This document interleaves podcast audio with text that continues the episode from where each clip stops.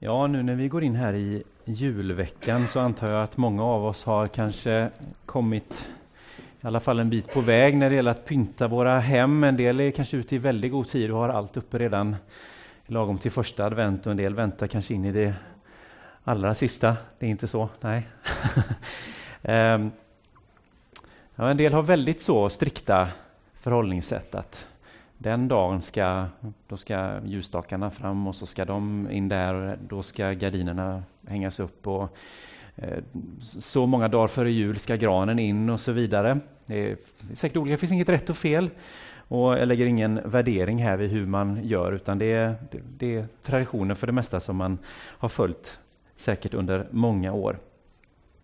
Ehm, det här med julkrubba är det några av er som har en sådan hemma? Ja, det är en del händer som lyfts här. Ja. Um, när jag tänker julkrubba så är det ju kanske vissa saker som är, det kan säkert se lite olika ut. Även om jag tror att inslagen i julkrubba kanske, det är åtminstone vissa genomgående återkommande teman där om vi skulle fråga runt. Vi har ju kanske vi har grunduppsättningen då, det som brukar kanske vara i mitten av krubban. Eh, familjen, den heliga familjen. Eh, Josef, Maria och Jesusbarnet, det har väl alla va? Ingen som saknar det. Eh, jag kan tänka att saknar man det så kan vi nog, då har vi nog tänt, tänt ganska mycket på definitionen av vad julkrubba är. Någonting. Det kan vara att man älskar det här med, med djur och herdar och sånt och tycker att de borde få en... Men oftast har vi familjen där någonstans i centrum. Um, så kanske vi har en krubba, Jesusbarnet kanske ligger i en krubba eller så ligger Jesusbarnet kanske i famnen på Maria. Är det en, är det en pjäs med Maria med Jesus i famnen eller är Jesus en egen pjäs i julkrubban som, som ligger där i krubban? Det är lustigt att det heter julkrubba. Det syftar ju till Jesus lades ju i en krubba. Men, men. Eh, runt omkring har vi säkert en del saker också. Vi har ju fått höra julevangeliet läsas här och vi vet att det kom besökare till den här platsen. Vi kan ju anta att det är ett stall eftersom Jesus blev lagd i en krubba eh, som man då använder för att utfodra boskapen. Så det är väl ingen vild gissning att tänka att de var faktiskt i ett stall, även om texten faktiskt inte säger att de är i ett stall. Men eh, eh krubba, ja. Har ni djur i er julkrubba? Finns lite djur? Vilka är klassikerna? Det är får kanske? Har vi en åsna kanske? Åsna? Vad med kor? Ja. Det är ingen som har grisar, va? Nej. Marsipangris har, har du Gunnar? Ja, det kan ju... Den är inte, det är inte samma marsipangris varje år, va? Nej, du äter upp dem emellanåt. ja, det är bra. Eh, nej, men grisar ska väl inte vara i just den. Det är inte riktigt kulturellt rätt att ha en gris i, i julkrubban. Eh, men jag tänker lite... Eh, ja, ni har ju säkert herdar då, om ni har, eh, har vi några herdar som har kommit på besök? Ja, några herdar. Eh, och om de är på plats, nu vet vi lite, om ni har herdar på plats, så vet vi att julkrubban utspelar sig efter herdarna har mött änglarna ute på fältet. Så är det någon som har fått med sig en ängel till julkrubban också? Ja, det finns änglar också, ser vi, ser man. Hur sent har ni förlagt er en julkrubba? Har ni vise män också? Ni har vise män med? Ja, då är vi ju en bit efter jul nu egentligen kanske. Um, är det, hur många har ni ett visst Är det tre vise män? Eller någon som har fler? Färre? Tre? Ja, tre. Det kan ju ha varit fler. Det vet vi faktiskt inte. Vi vet att det kom vise män. Traditionen säger tre. Men eh, det kan ha varit ett helt sällskap. Men det blir ju väldigt trångt där om vi ska ha allihop vid julkrubban. Uh, men så vi kan ju nöja oss med tre, det brukar ju traditionen säga. Har de, med, de kanske har med sig en kamel? Någon? Jag vet att vi har en dromedar i vår, i vår julkrubba.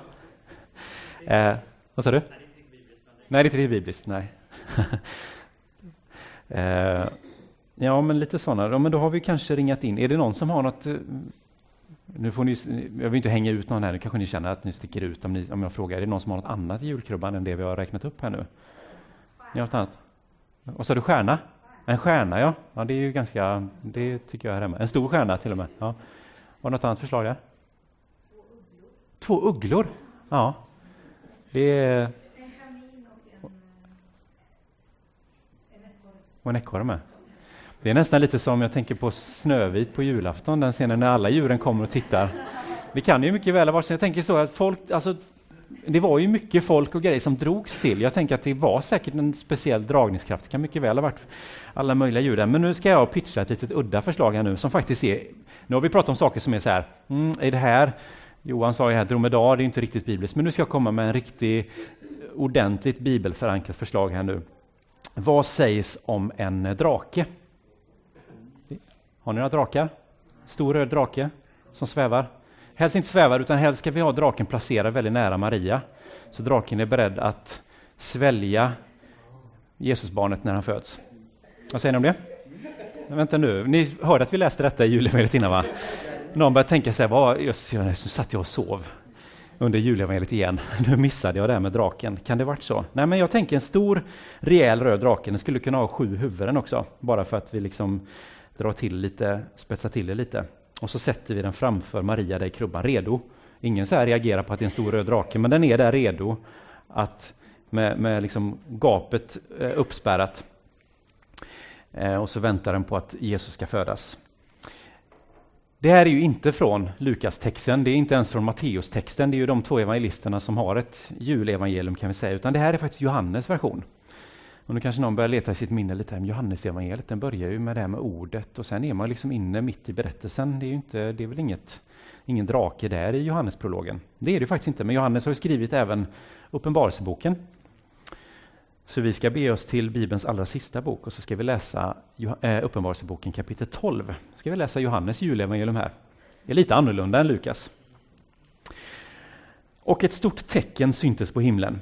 En kvinna klädd i solen och med månen under sina fötter och en krans av tolv stjärnor på sitt huvud. Hon är havande och hon ropar i barnsnöd och födslovånda. Och ett annat tecken syntes på himlen och se, en stor eldröd drake, där har ni den, med sju huvuden och tio horn och med sju kronor på sina huvuden. Hans stjärt svepte med, sig en, svepte med sig en tredjedel av stjärnorna på himlen och slungade ner dem på jorden. Och draken stod framför kvinnan som skulle föda för att sluka hennes barn när hon födde det. Och hon födde sitt barn, en son som ska valla alla folk med en stav av järn. Hennes barn rycktes upp till Gud och hans tron och kvinnan flydde ut i öknen, där Gud har berett henne en tillflykt, så att hon ska bli livnärd i 1260 dagar. Och det blev en strid i himlen. Mikael och hans änglar gav sig strid med draken. Och draken och hans änglar stred, men han övermannades och det fanns inte mer någon plats för dem i himlen. Och han, den stora draken, ormen från urtiden, han som kallas djävul och Satan, han som förför hela världen, han störtades ner på jorden och hans änglar störtades ner med honom. Och jag hörde en stark röst i himlen säga, nu finns frälsningen och kraften och riket hos vår Gud och makten hos hans mode. Ty våra bröders anklagar har störtats ner, han som anklagade dem inför vår Gud både dag och natt. De har besegrat honom genom Lammets blod och genom sitt vittnesbörds ord. De älskar inte sitt liv mer än att de kunde gå i döden. Jubla därför, ni himlar och ni som bor i dem. Men ve över jorden och havet. Djävulen har stigit ner till er och hans raseri är stort, ty han vet att hans tid är kort.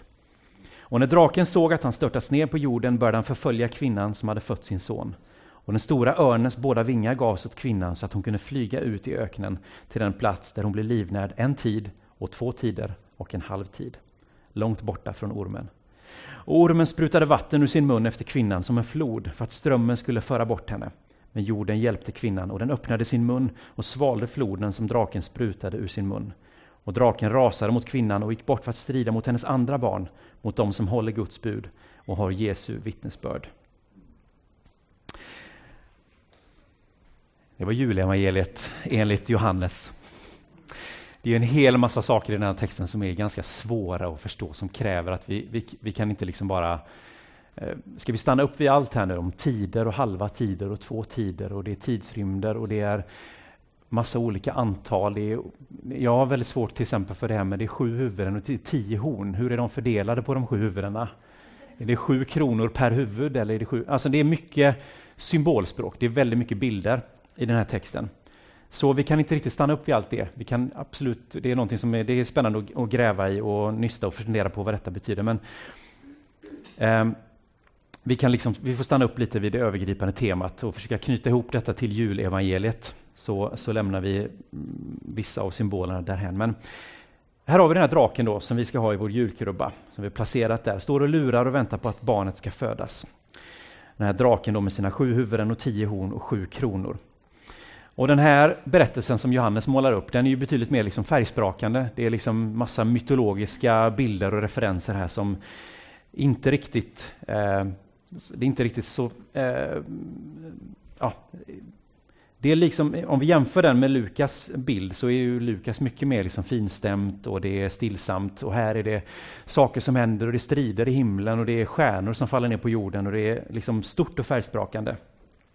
Och ibland så har vi kanske, kan jag tycka att Lukas berättelse, eller i alla fall så som vi, jag tror många av oss föreställer, den, föreställer oss den, så är den ganska den blir ganska sentimental och tillrättalagd. Vi ser det här lilla stallet och vi ser på vår julkrubba som vi har hemma och det är lite, ligger lite bomull på stalltaket kanske och det är, det är, väldigt, liksom, det är väldigt rent och städat. Det är liksom, vi har dammat och det är väldigt städat i våran, liksom, vår bild av det som händer där i Betlehem, eller hur?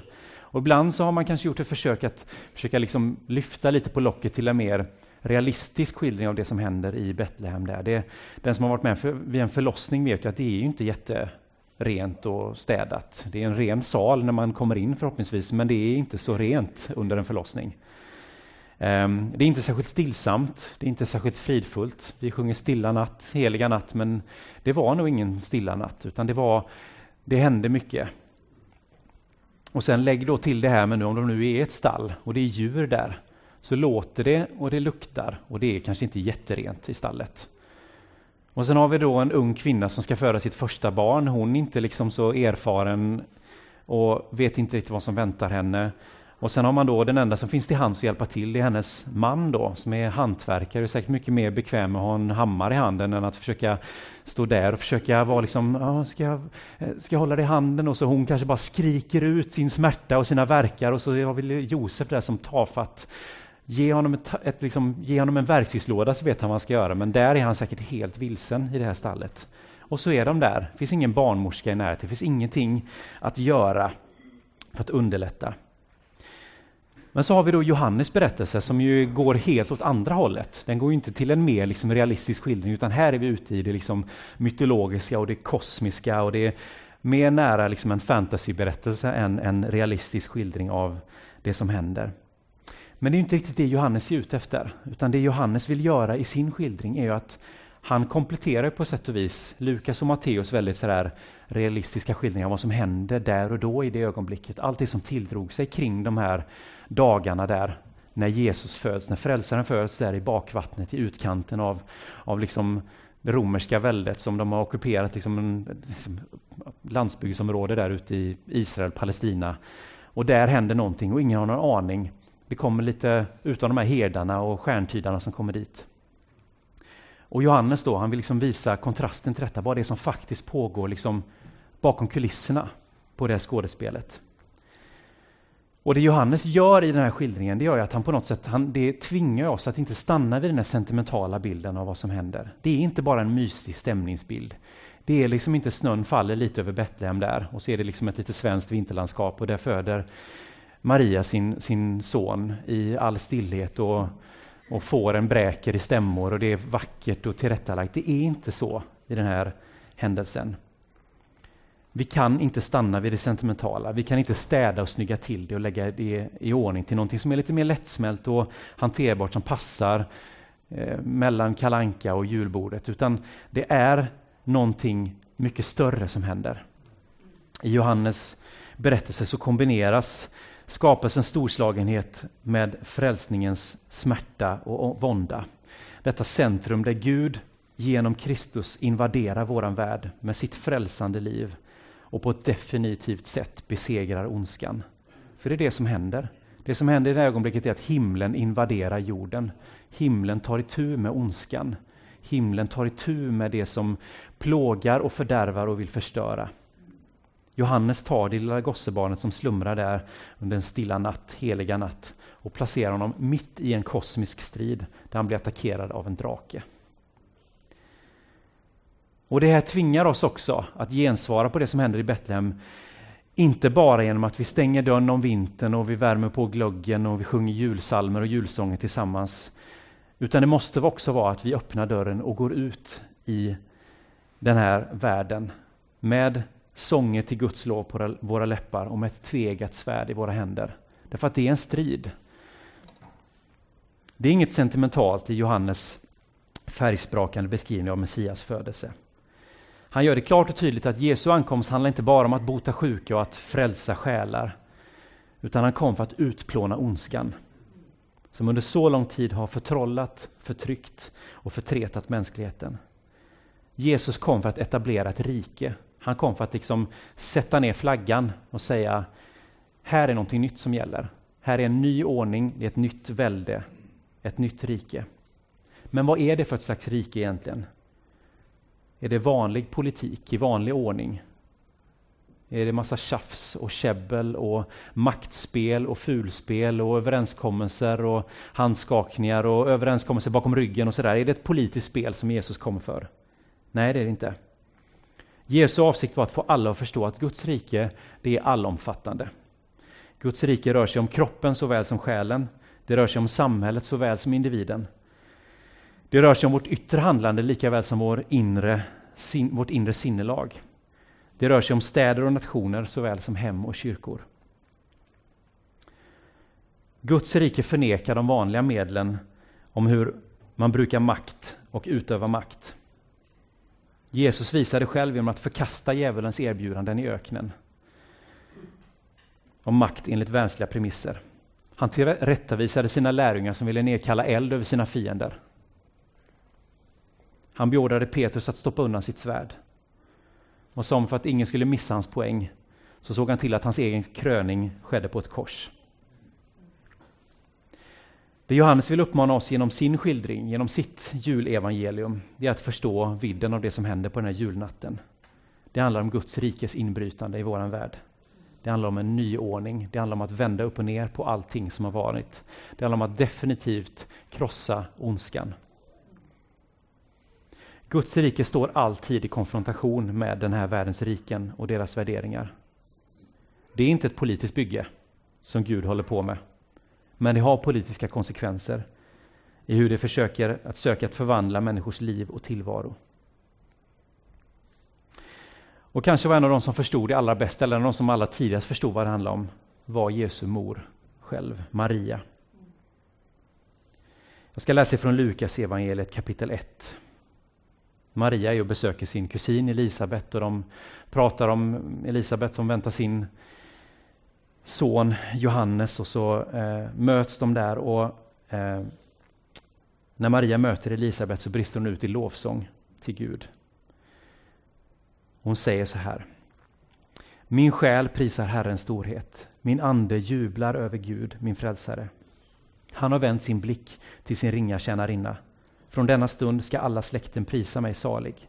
Stora ting låter den mäktige ske med mig. Hans namn är heligt och hans förbarmande med dem som fruktar honom varar från släkte till släkte. Han gör mäktiga verk med sin arm. Han skingrar dem som har övermodiga planer. Han störtar härskare från deras troner och han upphöjer de ringa. Hungriga mättar han med sina gåvor och rika skickar han tomhänta bort. Han tar sig an sin tjänare Israel och håller sitt löfte till våra fäder att förbarma sig över Abraham och hans barn till evig tid. Amen.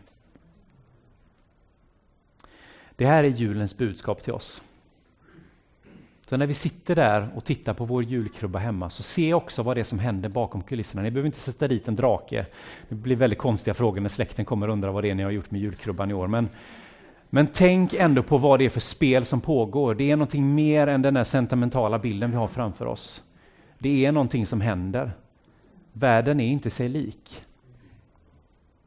Men det är Gud som övervinner. Det är Jesus som vinner striden. Och när den där draken till slut slukar det där barnet 33 år senare så tror draken att den har vunnit. Men det är som ni kan föreställa er någon fantasyscen eller någonting när hjälten blir slukad av odjuret och så inifrån besegrar. När draken tror att den har vunnit, den tror att den har vunnit seger, så är det i själva verket Jesus Kristus som har vunnit seger. Det är den befriaren, den frälsaren som vi tar emot nu i jul. Amen.